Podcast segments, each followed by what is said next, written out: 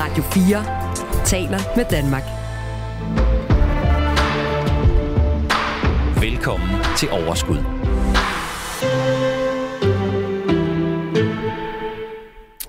Jeg hedder Sofie Østergaard, og jeg har glædet mig til i dag, fordi i dag der skal vi tale om noget, som øh, jeg tror langt de fleste af os vi har øh, hørt om, men det er måske de færreste af os, der sådan ægte har forstået konsekvenserne af det store bankkrak, der skete øh, fredag morgen den 10. marts. Og inden jeg går alt for godt i gang med det program, så vil jeg gerne øh, anbefale, at øh, du lytter til programmet fra sidste uge også. Fordi det var øh, et program, hvor øh, du i hvert fald kan få rigtig meget inspiration, hvis du endnu ikke er i gang med at optimere din økonomi, eventuelt at investere. Og hvis du kender nogen, du synes, der skal inspireres til at tage lidt hånd om deres økonomi, og måske få deres penge til at arbejde øh, for dem, så hop lige tilbage og find det program, fordi det var et virkelig, virkelig fedt program, hvor en masse lyttere øh, og ganske helt almindelige øh, mennesker øh, uden store finansielle øh, baggrunde øh, fortæller, hvad det har betydet for dem, at de har taget hånd om deres øh, økonomi. Så det vil jeg altså bare gerne lige... Øh, sende en stor anbefaling øh, omkring. Og så vil jeg gerne hoppe tilbage til øh, det program, som vi skal igennem i dag. Fordi det kom nærmest ud af det blå, da Silicon Valley Bank, USA's 17. største, krakkede fredag morgen den øh, 10. marts. En masse af bankens kunder ville have deres penge udbetalt, og det tvang banken til at sælge ud af obligationer for at skaffe kapital til at kunne udbetale de beløb, som kunderne de ønskede sig. Og det kostede tab for banken, og i sidste ende så kostede det altså også bankens eget liv, hvis man sådan kan sige det på den måde. Øh, det har sendt rystelser ud i finansverdenen, for det minder om noget, som nogle af os måske kan huske tilbage fra 2008, hvor investeringsbanken Lehman Brothers krakkede og skabte en kædereaktion, der for alvor førte til finanskrise på verdensplan. Så det har altså skabt øh, uro på aktiemarkederne i den her tid, øh, og især bankaktierne herhjemme er også faldet en del i løbet af den øh, sidste uges tid. Men er vi på vej mod en ny finanskrise? Hvordan kan det her overhovedet ske? Og hvad har det øh, af betydning for mig og for dig, og ikke mindst for vores økonomi og vores penge? Det skal vi forsøge at øh, få et overblik over øh, i dag. Og øh, det er heldigvis med et utroligt stærkt hold her i studiet. Det må jeg altså simpelthen sige med det samme. Tine Choi Danielsen, velkommen til. Tak. Og øh, Lars Skovgaard Andersen, velkommen til dig. Tak skal du have. I er henholdsvis fra øh, PFA og Danske Bank. Investeringsstrateg mm. øh, Lars og chefstrateg Tine. Ja. Det er... Øh, jeg vil bare sige det med det samme. Jeg plejer at være rigtig god til at stille, mm, lad os sige sådan halv både kloge og også de lettere og dumme spørgsmål, eller sådan der, hvor jeg ikke er Gode bange spørgsmål. for... At, ja, tak. Tak Yes. skal du have, Lars. Det kan godt være, at de bliver endnu bedre i dag, hvis man kan sige det på den måde. Fordi jeg har ikke sovet hele natten. Jeg har en datter, der er ved at få tænder, og en, en mand, der er ude at rejse, og, og jeg har simpelthen heller ikke øh, forstået alt det her fuldstændig, som jeg gerne vil forstå det. Mm. Og derfor er jeg så glad for, at I er her i dag, for jeg synes faktisk, at det er vigtigt at forstå, fordi jeg har på fornemmelsen, at det her jo jeg vil i hvert fald gerne vide, hvad det netop har øh, af konsekvenser. Så jeg forestiller mig også, at sådan to som jer, som jo har forstået det, og mm. ved, hvad, det, hvad, hvad, hvad der foregår, men også har forstået konsekvenserne. konsekvenserne. Lars, du har formentlig tid, øh, travlt for tiden med at sætte os almindelige mennesker ind i, i hvad der foregår. Ja, vi har jo en, en masse kunder også, og i, der er også øh, presse, der ringer og spørger til, hvad er der, der sker. Og jeg tror, det er vigtigt, at man, man, man får skilt tingene lidt ad. Og netop det der, er det en finanskrise eller ej, men, men også kigger på, at der er, der er et spørgsmål om uh, en finanskrise, så var det noget med, at vi har forgældet os her. Det er et, et selskab, der har, har haft en dårlig risikostyring, når vi taler om Silicon Valley Bank. Ja. Og så kan man så spørge sig selv, uh, med de renter, vi har, var det så ikke på, bare et spørgsmål om tid, Mm. før der dukkede et eller andet op, der var, altså det er meget markant renterne er steget. Ja. Så, så nu var det en bank, øh, men, men øh, ja, så, så ja. Det er det, jeg bruger lidt tid på, ligesom at forklare og få sat det ind i den rigtige kontekst, og så sige, at prøv nu at høre, det kan godt være, at det her over det fylder, men, men du bliver nødt til også at holde øje med, hvad der ellers sker derude med dine Så, investeringer. så du det ikke- drager hele vores Ja, fokus, der og er hvis faktisk der nogle ting, der ligger og stiger, og der er nogle rigtig spændende historier. Det, det er lidt ærgerligt, hvis Ja. man bliver så fo- fokuseret på det her, så man helt mister overblikket. Så det, det er det, jeg bruger min tid på mm. lige i Mm. øjeblikket. Men det er jo, altså Tine, det er jo fordi, vi hører, altså bankkrak. Altså for sådan helt, men jeg tænker nærmest, kan, altså, hvordan kan det lade sig gøre? Eller sådan, man bliver sådan helt... Det er jo der, vi... Altså, vi skal jo have en eller anden form for altså, tillid til det her, ikke? Hvordan reagerede du, da du hørte om det her? Det, det er jo lige præcis det, det handler om tillid, og det er det hele banksystemet er bygget op omkring, og mister vi tilliden til bankerne og banksystemet, jamen så får vi øh, de her, øh, ligesom finanskrisen hvor, hvor, hvor, hvor jeg vil sige, nu, nu lyder bankkrak jo altid være en bærekrak, øh, men, men der er jo rigtig mange mindre virksomheder, som også er, er blevet nødt til at lukke her efter corona, fordi de simpelthen ikke har kunne, kunne klare skærene. Og som Lars allerede har sagt, jamen renterne er storstedet, og det ville da være underligt, hvis vi ikke det skulle have nogle omkostninger. Vi kommer fra en nulrente, øh, 10 år med nulrente stort set, og så lige pludselig har øh, toårige statsrenter på, på over 3-4 procent øh, og, og var helt op på 5% i USA faktisk. Ja. Nå, men vi øh, har øh, dedikeret øh, programmet her til at sætte os øh, virkelig godt øh, ind i det, øh, og det kommer vi simpelthen til. I slutningen af programmet, der ringer vi også øh, og skal tale øh, med øh, en, vi skal tale med Lise Nytoft Bergmann fra Nordea Kredit, og vi skal tale om, hvad det har øh, af påvirkning på øh, renterne og boligmarkedet øh, generelt. Øh, så øh, Velkommen til jer begge to. Tak. Du lytter til Radio 4. Lad os lige starte øh, sådan helt fra starten. Hvilken, altså Silicon Valley Bank, det er jo mm. den 17. største bank i USA. Mm. Det ved vi. Øhm, nogenlunde på størrelse med Danske Bank, faktisk. Ja. Kan det ikke passe, Lars? Jo. Ja. Nu er vi så Danske Bank større end den. Ja, det kan man, kan man sige. så sige. Der kom, fik I lige en forlom, eller ja, de tog ja, en baglom, ja, ja. eller hvordan man vil sige det. Ja. Øhm, men hvad var det for en bank ellers? Altså, var det sådan en bank for, for, for almindelige mennesker, ja. eller? Det, det var en, en bank, der havde slået sig op på at være af navnet Silicon Valley, som, som var en, der var primært dedikeret til at servicere øh, Silicon Valley og det her startup-miljø.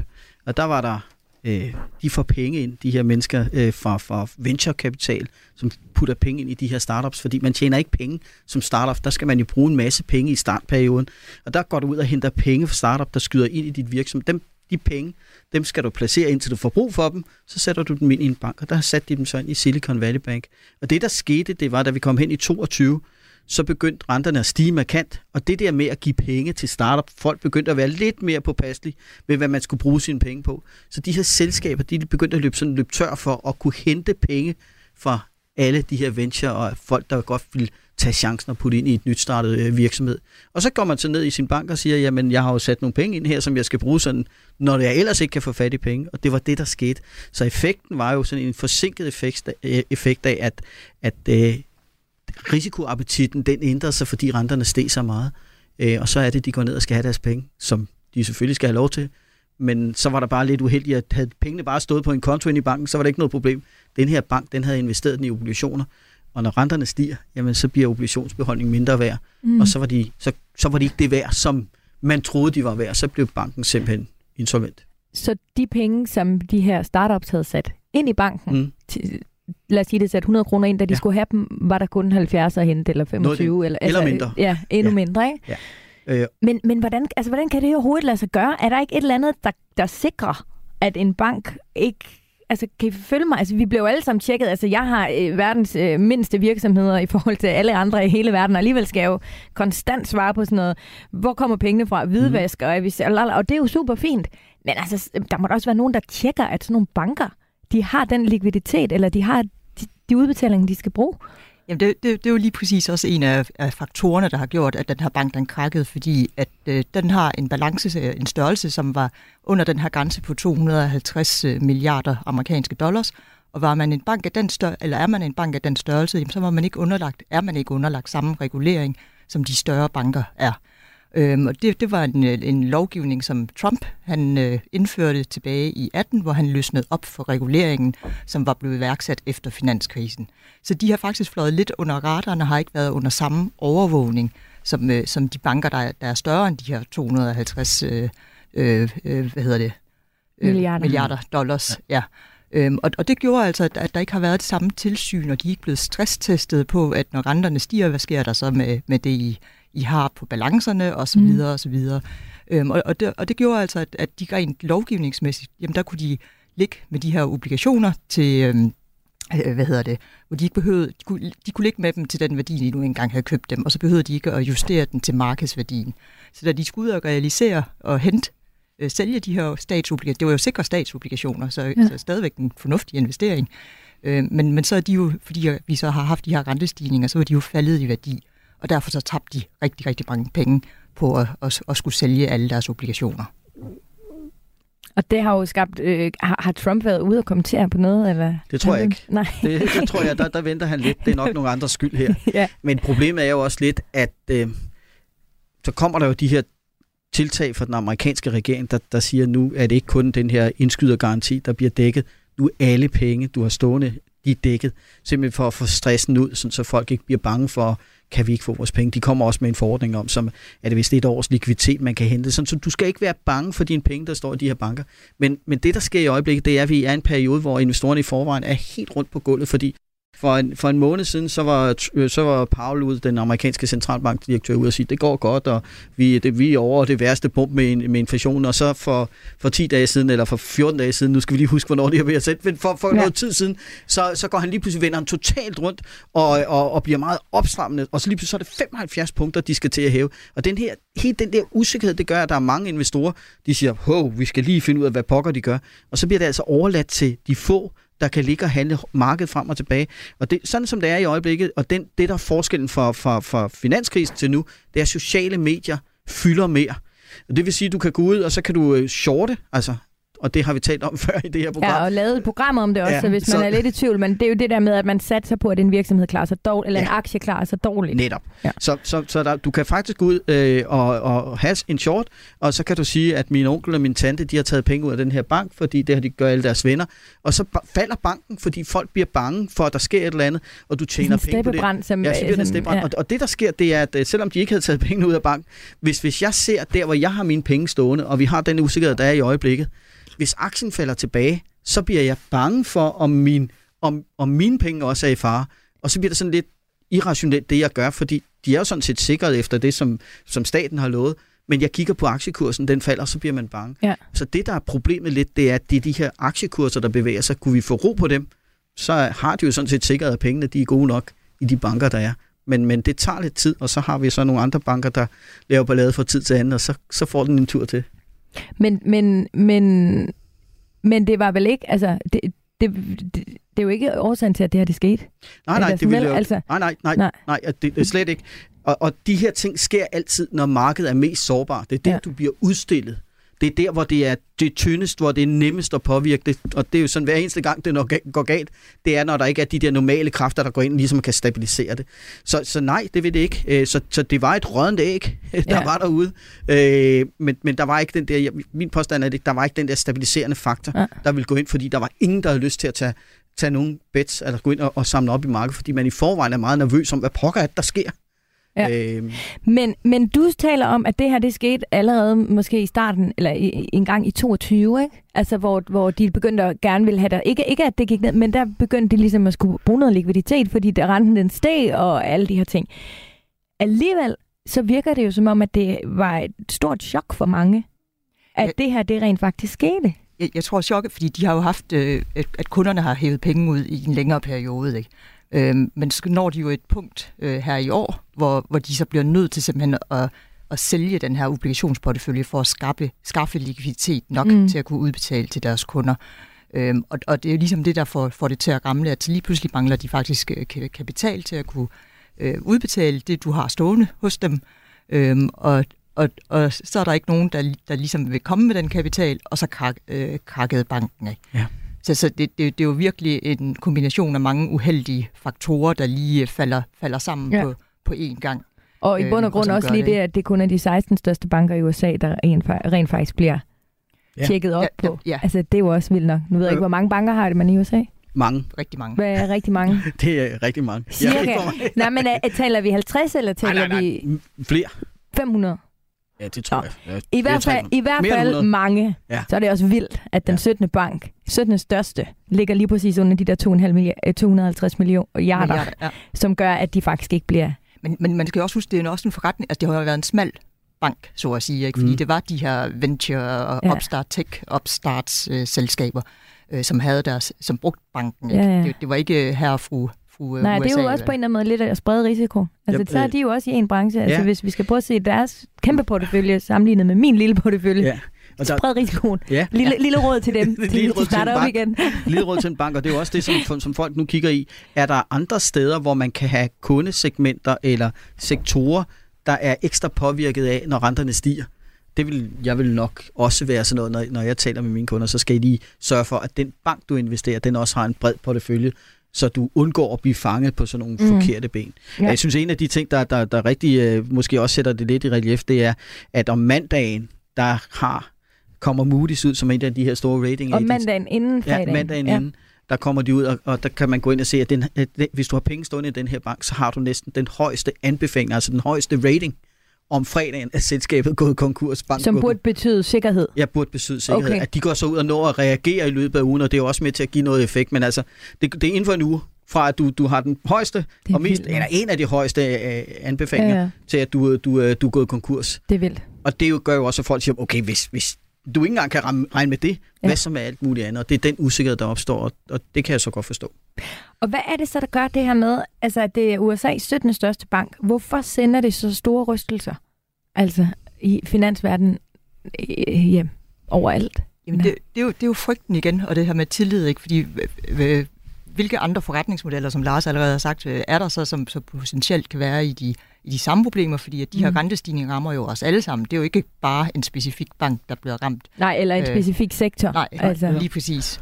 Øh, det, det, det er sådan en, en sektor, som har haft det lidt sværere, må man nok sige, øh, med, Ja. med de høje renter, fordi at, fordi at du, du jo investerer langt ud i, i, øh, i fremtiden i, i de her vækstselskaber, som man også kalder dem. Ikke? Ja. Øhm, og, og, og det er jo det, der skaber. Øh, og så har vi den her finanskrise, vi alle sammen kan huske, som du allerede har nævnt. Ikke? Og, og så tænker vi alle sammen, du har allerede lavet sammenligningen med, med Lehman. Jeg vil nok hellere Mm. mm. sammenligne med Bear Stearns i, i størrelsesorden. Ja. Øh, Kender jeg ikke? Ej, Men- det er en men- mindre bank, men det er nogenlunde den samme størrelse. Ja, det, det var en bank, der krakkede før Lehman, Okay. øh, tilbage i, Ja. øh, lige før op til finanskrisen. Øhm, og, og, og, og det er jo det, altså frygt og grådighed, det er jo i bund og grund det, der driver finansmarkederne. Og når, når der sker noget, som vi ikke forstår, eller kommer som en overraskelse, jamen så reagerer vi jo ved at, ved at, at smide vores, øh, vores investeringer, ikke? Og, og så falder markederne. Mm. Så, så det er sådan en, en, en, en jeg, ikke, jeg ved ikke, om man skal kalde det panikreaktion, men, men lidt øh, derhen ad, ikke? Sådan, at, at usikkerheden, det er bare det, vi hader Mm. allermest som investorer. Ikke? Og så skal man huske, når man sidder og kigger, nu har jeg lige vist det i dag, vi har sådan en kursgraf over, hvordan bankaktier har gjort det i år. Altså bankaktier i Europa ligger i 0. Bankaktier i Europa har været noget af det allerbedste at ligge i, og det har de været, fordi renterne er steget. Det, der skete i sidste uge med alt det turbulens, der var, det er, renterne faldt med 1%. Og så vil jeg våge at påstå, hvis, hvis du har bankaktier, der falder med en procent, eller øh, renten, der falder med en procent, så skal bankaktierne også ned. Og det er en af de andre ting, som der er panikken, som Tine taler om. Men der er faktisk også noget, der har noget med forretning at gøre. Det er, hvis renten falder, så er det mindre attraktivt, så tjener de færre penge, Ja. end da renten var før. Og det er, jo, det, er jo, det er jo helt faktuelt, det ved vi. Det er jo derfor, de er steget så meget de her i år. Så til trods for, at vi har haft alt den her turbulens, så ligger bankaktier i Europa bare tilbage i nul. Og der er nogle af de nordiske banker, der faktisk stadigvæk ligger pænt i plus, til trods for alt det, vi står og snakker om her nu. Mm. Du lytter til Radio 4. Efter krakket her, så har Nationalbanken været ude og sige, at vi skal tage det roligt. Mm. Til finansmediet Finanswatch, der siger de, vi vurderer ikke, at der er tegn på, at Silicon Valley Banks konkurs eller de forhold, der ledte til, at den udfordrer den finansielle stabilitet i Danmark. Lars, lad mig starte ved jer. Øh, hvad er risikoen for, at vi ser øh, Danske Bank øh, gå nedenom og hjem lige sådan inden for Så tror jeg, at du skal spørge Tine, for jeg må ikke sige noget om min egen bank. Så den er meget Tine, nem. hvor Tine, Lars er glat som en ål. Jamen, det, det Nej, er jeg, også jeg, helt- tror, jeg, jeg, jeg tror, jeg vil blive fyret, Du må hvis jeg ikke sige noget. Nej, Du jeg må ikke sige noget om min egen bank. Så, så lad være med at sige noget. Tine, Jamen, hvad er sandsynligheden ja. for, eller en af de andre? Jeg, jeg er også glat som en ål lige på Danske Bank, fordi vi, vi har investeret i Danske Bank. det, altså. det udtaler jeg mig heller ikke så meget. Nå. Men, men rent sådan bredt Statistisk set, Ja. kan vi tage den der. Bredt, Ja. bredt sagt, så står de europæiske banker øh, på et solidt grundlag, fordi vi har haft en strammere, har en strammere regulering, end de har haft i USA øh, siden finanskrisen. Så, så alle banker i Europa, de er underlagt de samme re- øh, reguleringsregler. Men er alle det? Eller har vi sådan et, øh, et eller andet loft også med, at nogle af de mindste banker ikke er? Eller sådan, er der et eller andet, som vi gerne ville have vidst, hvis der var noget, der gik galt? Ej, vi, vi, vi har, altså, der er ekstra fokus på de store banker, selvfølgelig. Ja. Fordi de er systemisk vigtige Mm. øhm, og har nogle strammere kapitalkrav og solvenskrav osv. videre end de mindre banker. Men over en kamp, så, så har vi ikke haft den der øh, lidt løse tilgang, som, som man har haft til, til de, de øh, mindre banker i USA nu. Jeg ved ikke, om man kan sige mindre, når den nu var for større som Danske Bank, men, men, men, øh, men, men de banker, der, der ikke har været underlagt den samme regulering i USA, ikke? Der, der har vi altså øh, et, et bredt det meget mere ud her i Europa. Så, så det er en, en, en velkonsolideret og velkapitaliseret øh, finanssektor, der er i Europa.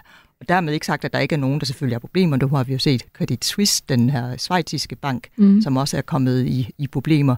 Men, men der tror jeg også, at, at for dem, der følger med i banker og så videre, jamen så, så har Credit Suisse jo været en dårligt drevet bank siden finanskrisen.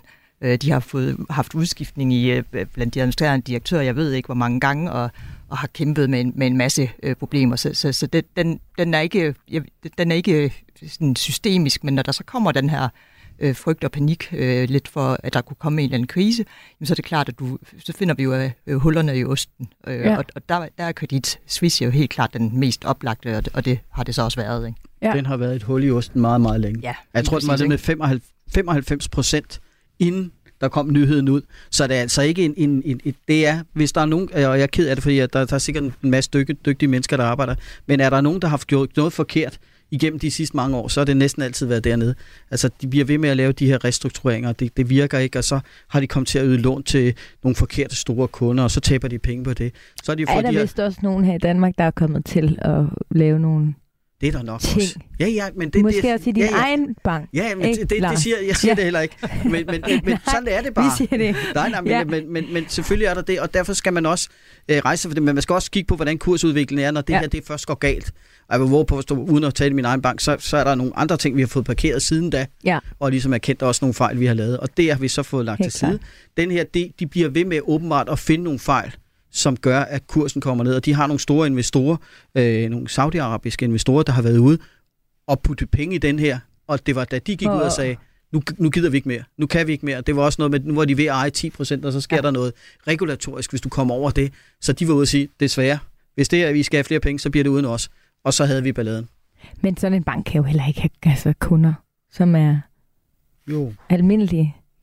Det tror jeg, den har i Schweiz. det tror jeg, det har Det den. kan jeg bare Ja. slet ikke forestille mig, at man, altså med alt det, du fortæller, at man, Men, men, det at jo, man har tillid til sådan en bank.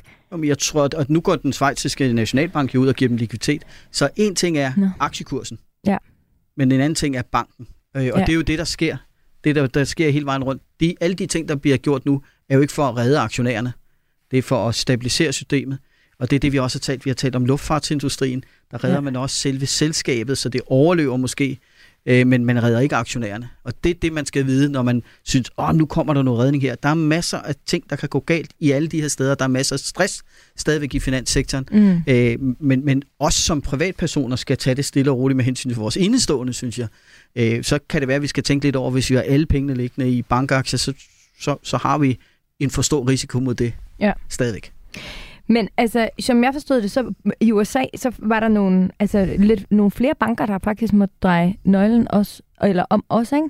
Nogle øh, lidt mindre banker, øh, Signature Ja. Bank og First Republic Bank kom også i, øh, i problemer. Altså, er det simpelthen bare, fordi det ikke er reguleret, eller er det, fordi I sidder gang på gang her i studiet, og så siger I, altså så, så er det som om, at USA er ligesom så når de sætter renten op, jamen, så kan vi forvente, at det også sker herhjemme, mm. Altså tid efter. Altså, at vi på en eller anden måde efterløber af deres økonomi. Jamen, øh, USA er verdens største økonomi. De har Mhm. verdens største aktiemarked, de har verdens største obligationsmarked, og de har verdens reservevaluta. Så, så, så ja, du kan sige, når, når USA øh, bliver forkølet eller nyser og og er syg, så, så bliver Europa og resten af verden altså også ramt Ja. af det samme. Ikke? Men, men jeg vil så sige, at, at over, over de seneste års tid her, er der jo sket øh, en, en dekobling lidt i øh, vores europæiske økonomier over mod USA, til dels øh, affødt af, at vi jo er bagefter med rentestigningerne i Europa mm. sammenlignet med, med USA. Ikke? Der, er, der er den europæiske centralbank jo slet ikke kommet lige så langt øh, som, som Federal Reserve. Så, så de rentestigninger, vi har oplevet i Europa, har ikke været helt så øh, kraftfulde, som vi har set, øh, set det i USA. Så dynamikkerne er, er lidt forskellige med, hvad det er, der driver. I Europa var det jo øh, Ruslandskrigen mod Ukraine, som ligesom gav os problemer, når vi har haft energikrisen og alle de her ting. Det har USA jo ikke været ramt af på samme øh, måde. Så, så, så lige nu er vi lidt bagefter, og de her rentestigninger, vi har oplevet i Europa, øh, de er altså stadigvæk ikke på et, et niveau, hvor det gør lige så ondt, som det gør i øh, USA. Og, og nu ved jeg godt, at det, det skal man selvfølgelig huske, at, at der er nok nogle boligejere, der vil, der vil opleve, at det faktisk gør ret ondt, ja. fordi vi jo har set, at boligrenten i hvert fald er kørt, mm. øh, kørt markant op os. Ikke? Øh, men, men sådan overordnet, overordnet set, set. Ja, så, så, så skal det gøre mere ondt i USA på nuværende tidspunkt, fordi renterne er kommet så meget mere øh, højere op, end de er i Europa. Du lytter til Radio 4. Nu skal vi øh, simpelthen vende om det her. Det kan være starten på en ny finanskrise. Hvad mener I? Jamen om det er renterne, der stiger, der er starten til en ny finanskrise. Eller en ny, til en ny krise. Jamen, kunne vi kalde det til en ny krise, i ja. stedet for en finanskrise? Det kan øh, vi godt. Ja. Det kunne så, vi godt. Ja, så, så vil jeg sige, det jeg tror, vi ser, det er nogle effekter af, at renterne stiger. Og det, der bliver spændende at se, det er, hvordan håndterer vi, når renterne de er steget rigtig meget. Hvem er de næste, der ikke klarer ærterne? Mm. Hvilken sektor kan der blive presset? Det er det, vi skal forholde os til. Og det er jo det der spørgsmål, om vi får, formår at få timet væksten i økonomien tilpas med, at vi ikke slår den helt død, når vi er færdige med at, at hæve renten, når vi har fået tæmmet inflationen. Ja. Øh, så altså, jeg, jeg, jeg, vil ikke, jeg ser ikke de her to tilfælde som værende en alarmklokke om, at vi er på vej ind i sådan en større økonomisk nedsmeltning. Øh, men jeg ser det som et signal om, at vi skal stadigvæk passe på med, hvad det er, vi er investeret i.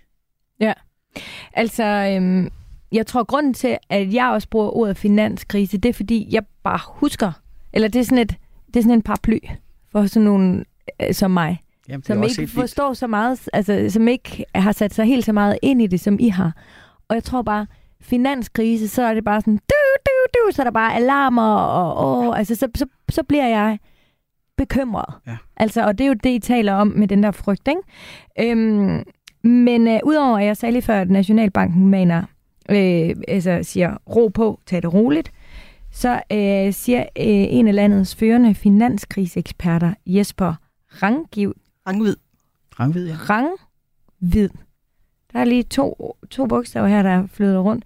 Jesper Rangvid han siger til Berlinske, Min konklusion er, at vi ikke skal bekymre os, for jeg vil sige, at man må betragte kollapset i SVB som en relativt unik situation. Så der er ro på. Øhm, men, men selvom der også var mange øh, faresignaler tilbage i syv, så var der jo altså, der var også få, som forud øh, sagde finanskrisen dengang, ikke? Jo. Altså, der var heller ikke Nej, altså, Nej.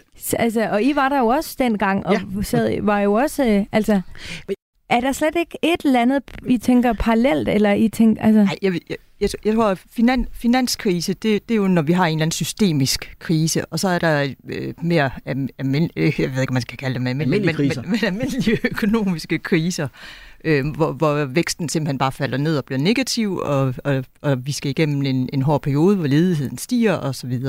Øh, og, og det er jo i, i hvert fald i min optik meget mere det, vi kigger ind i og forventer, at der kommer sådan en øh, recession, som vi kalder dem.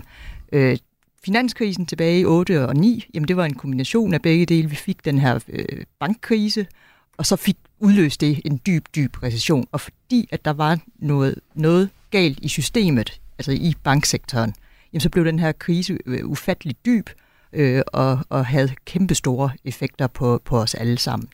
Den her gang, der tror jeg, at, at med de her rentestigninger, vi har set, jamen så får vi en recession, men den vil jo være affødt af, at renterne, at centralbankerne, de øh, hæver renterne, og så får vi sådan en vækst, en helt traditionel vækstgang, øh, som, som vi har, øh, i hvert fald også der har læst økonomi, har lært om i skolen og læst om. Hvor en finanskrise, det er jo, det er jo sådan noget, øh, der opstår, hvor, hvor, hvor, hvor man ikke kan finde hoved og hale, fordi det kommer bag på os alle sammen, at der er et eller andet, som ikke fungerer. Og sammenligner man tilbage til den tid, og for at krisen blev så dyb, jamen der, der, der var det også et spørgsmål om, at der var rigtig mange ubalancer i hele økonomien. Ikke? Vi som privatpersoner havde jo forgældet os også, øh, og investeret penge, og øh, øh boligmarkedet, det satte sig og var ligesom udløsende for det her, og man havde haft øh, nogle rigtig dårlige øh, udlånspolitikker, især i USA, med at, at du kunne låne penge, selvom du egentlig ikke havde nogen penge til at købe en bolig, ja. ikke? og så videre, og så videre.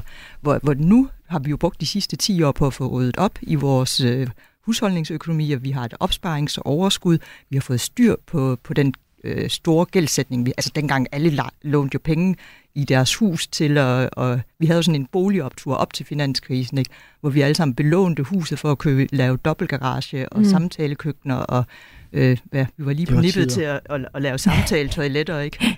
Altså, det, det ville jo have været frygteligt, ja. tænker jeg. Men, men, men, men, men der var så meget, øh, du kunne belåne de der ejendomsværdier. Og, og det er jo ikke den situation, vi er i i dag. Der har vi jo brugt vi bedre de sidste, rustet på ja, en eller anden måde. Vi har brugt ja. de sidste 10 år på at få styr på tingene. Og gælden øh, ligger ikke hos os forbrugere nu, øh, sådan overordnet set, men på statens hænder.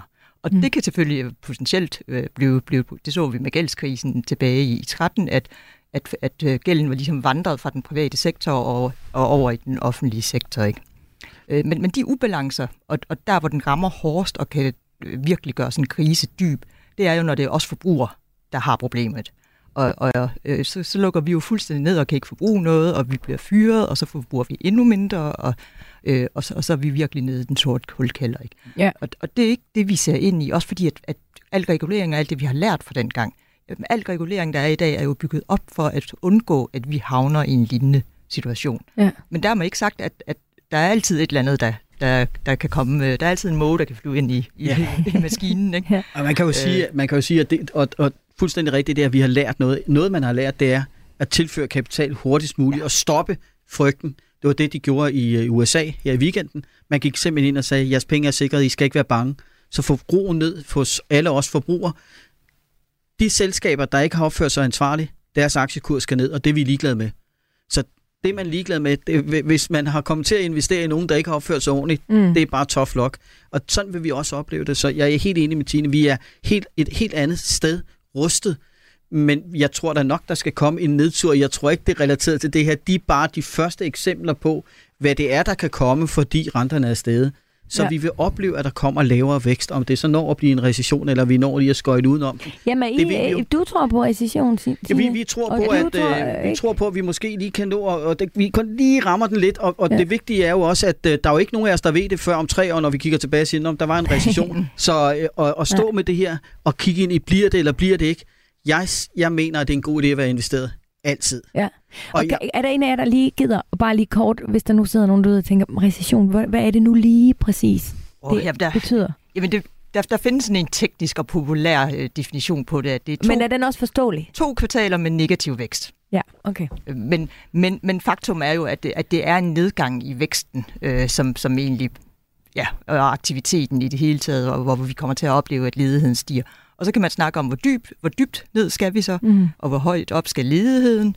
Øhm, og der er jeg også enig med Lars et, et langt stykke i, at, at det bliver nok en forholdsvis øh, mild recession, hvis vi lige kigger på, hvor vi står i dag. Mm. Men jeg vil da også sige, i, i lyset af alt det, der er sket nu, jamen så, så er der jo ikke nogen tvivl om, at, at øh, den usikkerhed, der har ramt bankerne, det kommer formentlig til at gøre, at låneomkostningerne for alle os forbrugere, de kommer til at stige nu. Ja. Øhm, og, og det kan jo være udløsende for, at, at den her recession i hvert fald øh, øh, måske kommer lidt tidligere, end man måske går og forventer, og, og den måske bliver lidt hårdere, men, men jeg har også svært ved at se, at det bliver, det bliver ikke sådan en krise, øh, krise, krise, og, og, og måske så opdager vi det måske ikke engang helt rigtigt, fordi det kommer an på, om ledigheden den storstiger eller, eller ej. Ja. Og der er nogen, der siger, at og det er, jo, det er jo det, der dukker op i denne her uge, hvor vi gik fra 75 øh, punkter, man forventede, Fed Reserve skulle hæve renten til. Det, som Tine siger, det er helt rigtigt, at man forvent, må forvente, at det bliver lidt dyrere at optage lån. Det er i sig selv det, der rammer finanssektoren er jo dæmpende på økonomien. Så faktisk er der nogen, der er vendt rundt fra, at man troede, at de skulle hæve renten med 75 punkter. Er der nu sågar en, i en japansk bank, nu Nomura, der var ude at sige, de kommer nok til at sænke renten med 25 punkter i stedet for. Så altså, det kan godt have effekt på, på hvor meget renterne kommer til at stige. Det, at øh, der åbenbart kommer noget, der selvregulerer væksten.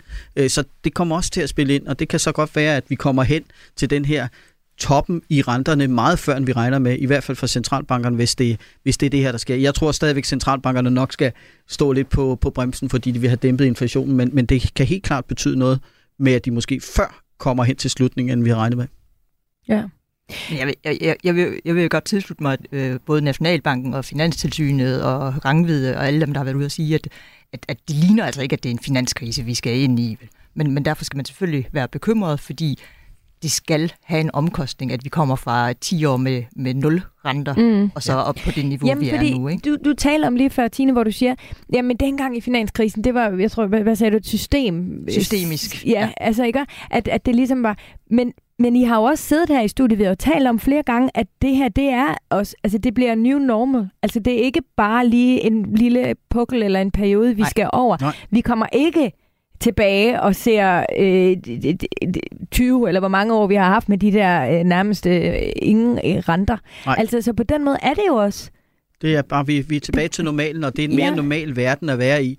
Når vi har 0 i rente, så er det fordi, der er noget, der er galt. Det er Ja. min påstand. Vi kommer tilbage til en mere normal verden, og det tager noget tid, og der er nogen, der, der, er nogen, der har levet for meget i den verden, og der er nogle selskaber, der åbenbart har troet, at den verden den fortsætter. Ja. Og det er det, vi ser nu, og det er også det, som vi taler om. Der er nok nogle andre, der måske har kommet til at gøre nogle ting. Måske ikke engang banker, men det kan være andre selskaber eller sektorer, der har fået lagt sig forkert i forhold til den nye verden, der er.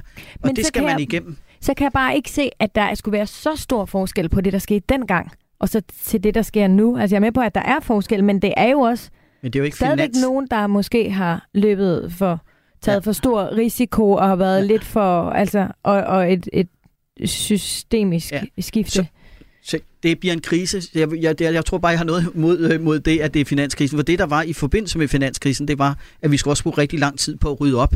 Og det, at vi ikke havde så mange øh, muskler, som vi Mm. har nu. Vi, vi er bedre rustet den her gang. Ja. Så der vil komme en nedtur øh, på et eller andet tidspunkt. Økonomien vil komme ned i gear. Det er vi enige om, ja. Tine. Det er vi. Det- Så der- økonomien kommer er ned i gear. Yes. Så er det et spørgsmål, hvor langt den kommer ned i gear. Og i den fase, så er der nogen, der vil være ofre på, at renten den stiger. Ja. Øh, men er det, er det nok til, at det ødelægger din økonomi og alle vores økonomi? Det tror jeg ikke. Ja, det er ikke det. Det er bare en helt normal fase, man er, er igennem. Og så vil der være en periode, hvor vi har mindre overskud, og så går der nogle år, og så forhåbentligvis lønningerne de vil komme tilbage, og så bliver det indhentet i inflationen, mm. og så Og det er jo også måden, man order det på. Altså, det er, det er jo også... Altså, jeg, jeg laver hammerslag for tiden, det Ja. ja. program med boliger, ikke? hvor jeg taler med en del ejendomsmælder, hvor jeg siger, nej, kri- nej, nej, nej, man skal endelig ikke bruge ordet krise, altså, fordi så er de jo bange for, at så, hvis der man siger krise, så bliver Ja, man jo ja. alle sammen, uh, krise, så skal vi ikke købe den. Eller sådan. Så det handler jo også om, jamen, hvad er definitionen af en krise? Det Ja. er der vel heller ikke lige en definition. Altså, Nej, det er der det kan jo være en krise for mig og for ja. min private økonomi, og behøver jo ikke at være for dig. Altså, Nej. så selvfølgelig er jeg med på, at, at man kan jo måske ikke sige det, Ej, det jeg, jeg, samme. det, vi kommer ind i en anden fase, hvor det ikke er så sjovt. Og det Ja. er jo en krise, hvis man kommer ind i noget, der ikke er så sjovt. Selvfølgelig er det så, det. Så, så, så, så, Så, det vi er er ikke så enige om, at der kommer, og vi er i en eller anden form for krise. Vi er i en, en mindre sjov fase, ja. Ja. vil jeg kalde det. Vi er i en mindre sjov fase. Det Ja. ja. kunne have været sjovere, men Og- det kunne i den grad også have været noget værre. Ja, det, ja. Meget enig. Ja, godt. Du lytter til Radio 4. Men hvad skal vi så gøre med vores porteføljer? Og hvad skal vi gøre? Altså, jeg må ærligt indrømme, jeg er ved at være sådan rigtig godt og grundigt forvirret. Og, og det har betydet, at jeg bare måske ikke har gjort så meget. Og det er måske heller ikke særlig smart. Altså, så jeg, jeg, jeg er simpelthen... Det synes jeg, virkelig- der er meget smart. Er det det? Ja. Hvis du ligger det godt fordelt, så er det Jamen, smart, altså- men, men ellers er det ikke så smart, hvis Ud- du ligger kun i banker, vil jeg Nej. sige. Ikke? Men, Ej, men det ud fra jeg den betragtning, at øh, nu ved vi jo, at du er vel diversificeret og har Ja. ja. spredt din risiko Ja. ja. og Jamen, det har jeg. alle de der ting, og du har en lang tidshorisont. Men jeg synes også, jeg har mange røde tal stadigvæk, men altså, det må jeg jo acceptere. Du glemmer alle de, du glemmer alle de grønne tal, du havde haft før, ikke? Ja, det glemmer vi. Det er det. Så, så det fuldstændig skal du, rigtigt. det må du Og så er der lige Novo og sådan noget, som stadig kører Ja. ja. ret godt. Men altså, ja. Øhm, men, men, men altså, hvad skal vi gøre? Fordi så tænker jeg jo også, Silicon Valley, startup, sagde du, øh, mm. Lars. Men jeg tænker også tech. Det vil jeg ikke være så bange for. Noget af det, der ligger og stiger i de her dage, det er jo, det er jo vækstselskaberne. Ja, Det er bare men forskel er på, det hvad det en er. bob? Altså, er der noget der, der lige pludselig... Fordi hvis de har haft så meget brug for at hive ud, altså, så Ja, tænker jeg også, at der er noget... Der vil jeg godt lige have lov til at indskyde. en- Der, der er forskel på, hvad det er for nogle selskaber. De her Det er selskaber, der var er det det? i startup, det, Ja. det er selskaber, der ikke tjener penge. Godt. Så det er jo derfor. og, de, har- og de er typisk ikke børsnoteret. Og de er ikke børsnoteret. Og så har Nej. vi de meget, meget store selskaber, Microsoft, Alphabet, alle dem her, som for øvrigt drøner frem i øjeblikket, fordi der er kommet det her chat-GPT, og nu er der endda kommet en ny udgave af den. Som Det er vi så- har talt om Jamen, i der er kommet et, en endnu øh, nyere en, siden Nå. vi tager, ja. Så, så der, der er lige kommet en helt ny Se, en, der er endnu bedre. han er. Ja, nu kan du slet ikke stå men, stille, men, men, men jeg har faktisk lige holdt et foredrag jeg for skal folk. lige sige en ting først. Ja. Ja. Vi har lavet et program om lige præcis de ting, som Lars han taler om nu, og det vil jeg anbefale, at man går tilbage og lytter Ja. Hvis man kunne tænke sig at høre lidt mere om præcis, hvad det er. Ja. Øh, for, om de her ting. Det er bare, så behøver vi ikke at bruge tid på at det uddybe vi det for meget, Ja. men kan bare tale videre. Ja. Og udover det, så har jeg faktisk faktisk lyst til at sige, at det her det er den 16. marts, Ja. vi optager det her program. Ja, og, Og den det kom bliver- den 14. Den nye opdatering. Den nye opdatering kom den 14. Ja. Og det her program kommer den 21. Yes. Så, øh, så er alle helt Ja. med på tidslinjen her. Snak, Mit, mit, point, mit point er lidt, at da, da vi så bankerne falde tilbage, så kunne vi faktisk se de her store teknologiaktier ligge og stige. Det gør de også, fordi renten falder tilbage, så har de lidt medvind derfra. Men vi kan også bare se, at de har været meget, meget immune øh, her. Og alt, hvad der sådan har med det her chat-GPT, der, der ryger der altså penge ind, fordi der skal laves meget, meget store investeringer i det. Så, så det, jeg har lige været ude og holde foredrag om, det er, at vi skal passe på med at være så overfokuseret på et segment, at vi glemmer at se de muligheder, der er derude. Og vi har i en længere periode måske ikke været helt så glade for teknologiaktien. Jeg synes, der er nogle muligheder derude, du, du bliver nødt til at kigge ind i og få ind i din portefølje, så du får den her balance ind. Fordi hvis det her fortsætter, så har vi bankaktierne, som stiger eller ikke stiger. Vi har måske en økonomi, der kommer lidt ned i gear, så kan det også godt være råvarer, energi og sådan hele det her value, måske lige pludselig skal til at give sig. Så er det Mm. godt at få nogle af de her vækstaktier, Ja. men det skal være store. Det skal ikke være de her små, bitte, bitte små. Og de Nej. skal ikke have nogen gæld, og de skal have stærke cash flows, og det skal være safety first. Og hvis man øh, finde ud af de ting, så er det faktisk bare at, google, og ellers på de fleste af øh, platformene, hvor vi har vores portefølje, der er der faktisk rigtig meget god øh, information Ja. at hente om de her virksomheder. Plus at alle de børsnoterede øh, selskaber, de har inde på deres side, der skal de simpelthen have op i headeren eller et eller andet sted, hvor man kan gå ind og finde øh, informationer. Så øh, det er altid en rigtig god idé at, at kigge der. Men øh, Danske Bank og Jyske Bank, de tabte jo, øh, eller der, øh, deres øh, kurser faldt jo også med henholdsvis 6,88 og 5,93 93, ja, procent point, altså på, i, i umiddelbart efterfølgende. Er det så et tidspunkt nu, hvor man skal hoppe ind i de her, eller skal vi lige lure, hvad der sker i bankverdenen den næste stykke tid? Ja, ja, ja, jeg vil jo sige igen, det, tilbage til, til de gode gamle investeringsråd med, med din tidshorisont, og at du skal have øh, en god spredning i dine investeringer. Man skal Øh. ikke være bange for at have lidt bank nu. Nej, det, det, det, det Okay. synes jeg ikke, man skal, fordi det skal du have, hvis du vil have den optimale spredning, så skal du Ja. have lidt af hvert, og, og det er inklusive tech-selskaberne, som Lars også øh, har, har argumenteret varmt for øh, nu. Men tech-dans, vi skal lære den der tech-dans. øhm, så så, så, så man, skal, man, man skal have lidt af hvert, fordi i det miljø, vi er lige nu, jamen, så ved vi ikke, altså hvem, hvem er det, der, der, øh, der bliver ramt, øh, og hvem er det, der kommer bedst ud af det osv. I, i, med den her usikkerhed, der er omkring renterne, og nu også øh, med, med nogle af de her bankkrak, og inflationen i det hele taget osv., jamen så er den bedste strategi virkelig at have noget lidt af hvert. Fordi ja at så er der noget, der afbøder for, at, at jamen, hvis du havde øh, tech, som sagt, og du også havde bank, jamen, så har du fået afbødet noget af tabet ved at have tech-selskaberne, som kom, kom øh, godt igennem det i går for eksempel, øh, og, og vice versa, jamen, helt, helt afhængig af, fordi humøret på markederne lige nu, det skifter altså sindssygt hurtigt, afhængig af, hvad vi får for nogle nøgletal, inflationstal, hvad centralbankerne siger, og hvad vi ellers får af økonomiske øh, begivenheder osv. Mm. Og der er det altså bare det smarteste at have så, så bred en spredning Ja. ja. som overhovedet muligt. Og hvad så med alle dem, som nu netop får den der frygt? I ved godt, den, den, den, sådan, åh, den skal sætte sig i kroppen, mm. mange i maven. Øh, nogen får sågar øh, lyst til at gå på toilettet. altså man kan blive sådan helt, helt øh, panisk. Mm. Hvis, man har, øh, hvis man føler, at man har mange penge investeret, og selvfølgelig ikke nogen, man skal bruge, det ved vi alle sammen godt, vi investerer risikovillige penge med en god tidshorisont. Men hvis man får lyst, Lars, til at sige, jeg tror, det er et rigtig godt tidspunkt lige nu bare at sælge det hele, gå i kontant, og så venter jeg på, at, øh, det, at vi lige får lidt ro på, inden jeg tør at hoppe med igen, fordi jeg er faktisk bange for, hvor det her det ender hen. Det er jo, ja, Men du, det Ja. eneste, du får ud af det umiddelbart, det er, at du realiserer et tab. Og så har du færre penge til at indhente alt det tabte med. Fordi det er jo derfor, vi snakker lang tidshorisont. Mm. Det er jo det her med, at, øh, at markedet det svinger. Det skal man gøre sig klart, inden man, man investerer på aktiemarkedet. Øhm, og og når du, hvis, hvis en aktie så falder 50 procent, og du mister øh, halvdelen af den investering, jamen så skal der jo en dobbelt så stor stigning til, for at du indhenter det tabte igen. Ja. Øhm, og hvis du så sælger ud, bare øh, tager noget af det der tab og realiserer det, og markedet så vender i morgen, jamen så står du der øh, parkeret på perronen og kan se, at nu steg aktien igen, måske 30 procent, og du har så færre penge investeret, og så bliver det bare meget, meget, meget svært for dig at indhente det, du har tabt. Og det er derfor tidshorisont og lang investeringshorisont er så vigtigt, fordi vi ved, at når de kommer tilbage og stiger mere, end de falder, set over lange tidshorisonter. Og, og det er I to stadigvæk ikke i tvivl om, at de gør? Nej, det er jeg ikke. Og man kan så diskutere, hvis du ligger med fem enkeltaktier, det vil sige, at du har meget stor selskabsrisiko, så kan man så sige, at det kunne så godt være. I øjeblikket mener jeg jo, at det er en stor risiko bare at have markedsrisikoen. Mm. Så er vi tilbage til det, jeg godt kan lide, det er min kagedåse, det er marked. Jeg har det rigtig godt med at lægge i marked, fordi så spreder jeg risikoen helt ud for alle de her enkelte selskaber, fordi man ved ikke, hvad det er for et selskab, der kan blive ramt af de her renteudfordringer. Ja. Så kan det være en idé at, at tage sin tab, købe marked, så ligger du derinde, så ligger du med markedsrisikoen, og så når det lysner lidt derude, så kan du begynde at sige, ja. okay, så er det den her sektor. Det kan være nogle helt andre selskaber, vi skal have på den anden side af det her. Ja. Og så har man, man bliver låst fast i et eller andet. Øh, så, så det kunne også være en strategi. Men, men sørg nu for at blive derinde. Det er, når, der, når, når pulsen er høj, øh, så er det oftest, man tager nogle ret dårlige beslutninger. Øh, og den dag, vi skal købe, det er jo, det er jo den dag, hvor, hvor det er aller værst overskrifterne. Ja. Det er bunden. Det er ja. der, hvor vi faktisk har lyst til at sælge endnu mere, hvor hvis vi, vi har haft netop det. havde allermindst lyst Ja. yes. til at købe. Du lytter til Radio 4. Der er ikke nogen tvivl om, at uh, Silicon Valley, uh, Silicon Valley Banks uh, krak har uh, skabt masser af uro uh, ude på de finansielle markeder. Men det har vi vist fået slået uh, fast i det her um, program. Men midt i al den her snak om bankkrak og dykkende aktier, så er der faktisk også godt nyt hvis du er boligejer og har flekslån. For krakket har fået de amerikanske renter til at dale, og det smitter af på renterne herhjemme. Renterne på både F-kort og F1 er på det laveste niveau i en måned, og man skal cirka tre uger tilbage for at finde en lavere rente på F3 og F5.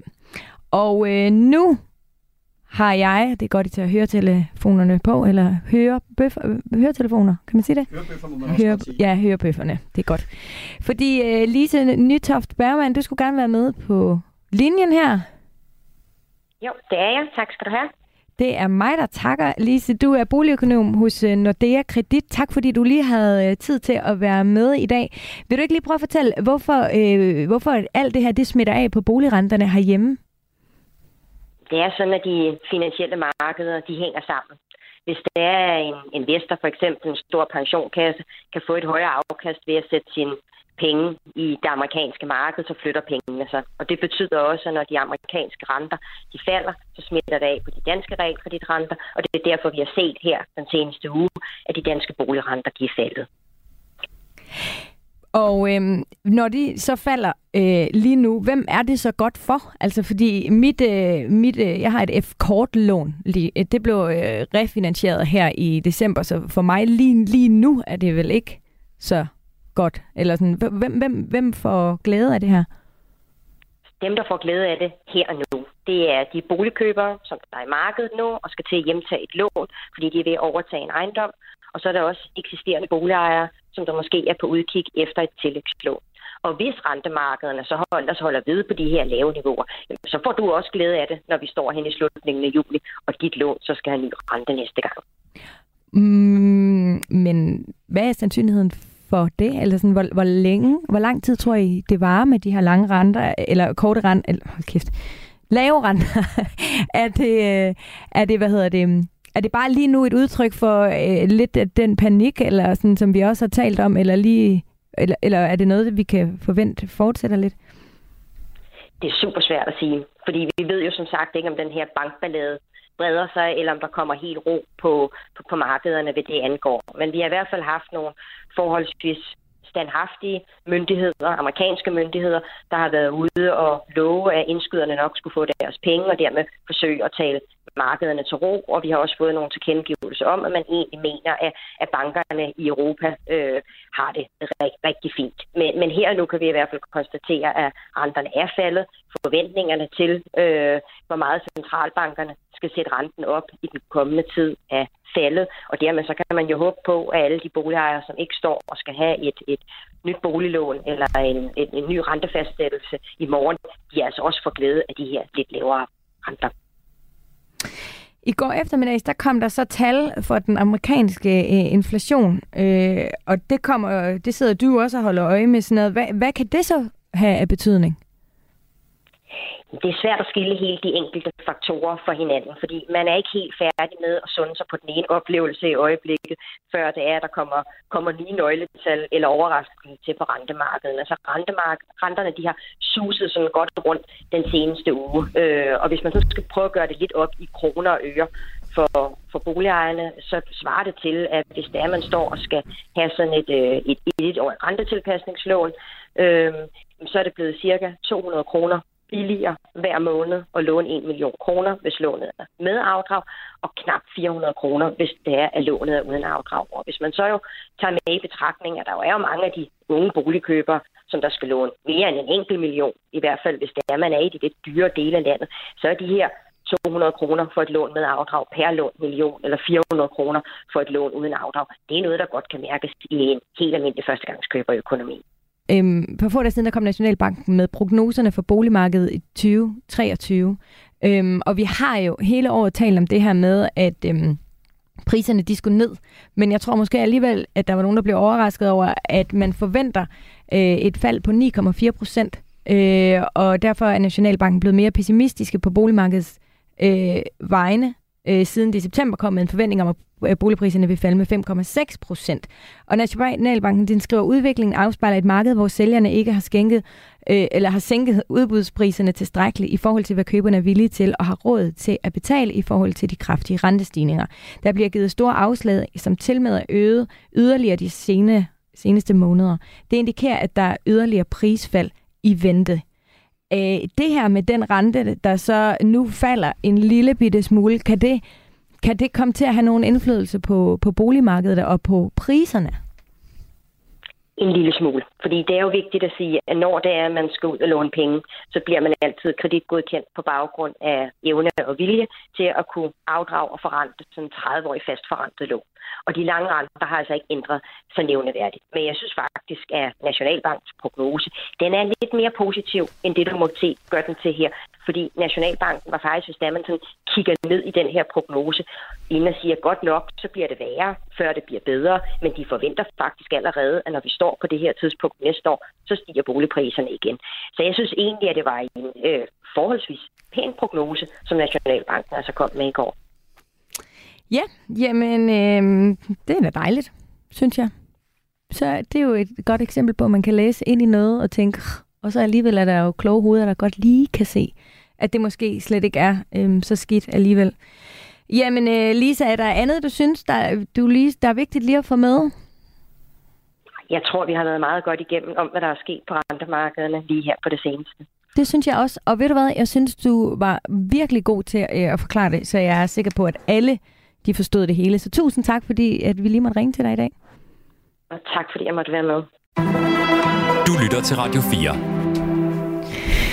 Nå, så hørte I også, hvad Lisa sagde? Inden ja. længe, så stiger priserne på det, boligmarkedet. Det er den her lille krise, vi skal igennem, og så bliver det godt på den anden side. Ikke? Nej, det var jo ikke en krise. Det var bare, der, vi går lige ind i en tid, hvor det er knap så fedt Nå, at det være var, det var menneske. ikke så sjovt, var det? Sådan, var det ikke det? Jo, det var, det var det, ikke så sjovt. Ja. ja. Nå, sikkert et program. Vi ja. er snart ved øh, vejs ende. Øhm, jeg må ærligt indrømme, at inden programmet, der tænker jeg, kan vi dog? Er det, er det interessant i det hele program? Men det skal jeg da lige love for, at det, det har det været, og det har I to været, men det er I to nu altid. Så jeg var jo glad for, at jeg var i gode øh, øh, hænder med, med jer. Er der noget, I synes, vi mangler at få med? Nej, jeg, jeg synes, vi har været ret godt om, omkring, men, men, men øh, lytterne skal da vide, at, at øh, som, som Lars også allerede startede med at sige det her med, jamen, når du har besluttet dig for, at du vil investere, og du er investeret, jamen, så er det jo, at du skal følge de her råd, og så holde fast i din strategi, fordi mm. at markederne, de svinger altså, og det skal nok blive bedre på et tidspunkt. Øh, og, og, og det her med den lange tidshorisont, den er bare så sindssygt vigtig. Ja. Og, og som jeg har sagt herinde før, det er bedre at være investeret og være bekymret, end at være så bekymret, så du ikke er investeret. Det viser al historik. Det er godt sagt. Men det er også i den her tid, at vores strategi, vores investeringsstrategi, den står sin prøve. Det gør den. Det er, ja, absolut. Og, og, og, og, og man skal jo ikke være helt... øh, Altså, vi er jo ikke firkantede mennesker, oh, selv, selvom vi er fra den her branche, øh, Lars og jeg. Har I følelser også? Vi har det, er I siger til mig? Ja, ja, Så, vi, vi, så hvis, hvis man virkelig sover dårligt om natten, så skal man jo lige kigge ned Ja. i tingene, og så tage bestik, øh, bestik af det. Men, men, men jo, det, der bare er vigtigt at vide, det er også, hvad, hvad man så potentielt... Hvad, hvad har det for en effekt, at du så netop realiserer det tab, du ja. eventuelt har? Øh, fordi hvis du stadigvæk havde planlagt, at du skulle have pengene investeret i 10 år, så, så er det altså, at du risikerer det her med, at du aldrig får indhentet det tabte. Ikke? Og det bedste råd er, hvis du har den strategi, og nu har du den strategi, og du har sat dig ned og, og set ind i dig selv, det har jeg, så lad være med at gå ind og kigge på din netbank. Du bliver ikke Ja. mere glad af det. Lad være. Brug tiden på noget andet. Ja. Der er andre ting, du kan blive Det er bekymret også et over. godt bud. Eller et godt råd. Bekymret. Hvis der er noget andet, du kan er dig noget over. andet, du bliver glad over. ja. Nå ja, ja. øh, og udover det, så tror jeg også, at et af de allerførste råd, I begge to vil komme med, når man, skal, når man går i gang med at investere, det er risikovillige penge. Så, så præcis. længe vi også sørger for, at de penge, vi har investeret med, ikke er dem, vi skal betale huslejen for næste gang, eller dem, som vores børn de skal spise for, så er vi jo allerede godt skridt på vejen. Netop. Absolut. Ja. Jeg vil øh, komme med en anbefaling og sige, at de skal høre Selskabet, som sender her om tirsdagen på øh, Radio 4. I kan også finde det som øh, podcast, fordi de fortæller meget mere om bankkrakket i USA. Så har du lyst til det, så har de altså et panel, panel øh, hvor de ja, dykker meget mere ned i, hvilke kunder banken havde, og så videre og så videre, og taler også lidt om det her med, hvordan man opretholder tilliden til bankerne. Fordi det er jo ret vigtigt for os alle sammen. Ja. Lars Skovgaard Andersen, tak fordi du ville være med. Tak fordi I måtte Kommer, komme. Som altid fra Danske Bank. Og Tine Choi Danielsen, PFA. Tak. Jamen selv tak. Det er altid en fornøjelse. Det er altid en fornøjelse. I dag der fik I ovenikøbet købet vinerbrød, fordi den gode Simon... Ja, du spiste ikke så meget af det. Nej, Lars. nej. Men, Jeg tog en kaffe. øh, Ja, og det er også godt, bare du hyggede dig. Det gjorde Men øh, den gode Simon, han er simpelthen øh, med for sidste gang. Så øh, vi vinker til ham ude i regien og sender ham til Bornholm, hvor han skal lave radio. Vi kan alle sammen lytte med. Held og lykke med det, Simon, og tak for Ja. denne gang. Det har været en kæmpe stor fornøjelse. Derfor var programmet her både tilrettelagt af Simon Helberg, men også af Patrick Pape, som er det at sige den nye Simon, men det er han ikke. Han er simpelthen bare fuldstændig sig selv. Men øh, virker til at være lige så dygtig som Simon, og også ret sød. Så det skal nok blive super godt. Overskuddet er øh, efterladt i rigtig gode hænder. Husk, at du altid kan finde programmerne her inde på, øh, der, hvor, ja, der hvor du normalt henter podcast. I næste uge, der får jeg besøg af Katrine Muff, som er hele Danmarks øh, DR øh, sang dronning. Øh, hun har ikke så meget øh, styr på alting omkring sin økonomi, synes hun selv, men ikke desto mindre, så øh, jeg glæder mig til at høre, hvad hun har at drømme, og hvordan hun gør med sin økonomi. Husk vores fa- Facebook-gruppe, den hedder Overskud Radio 4.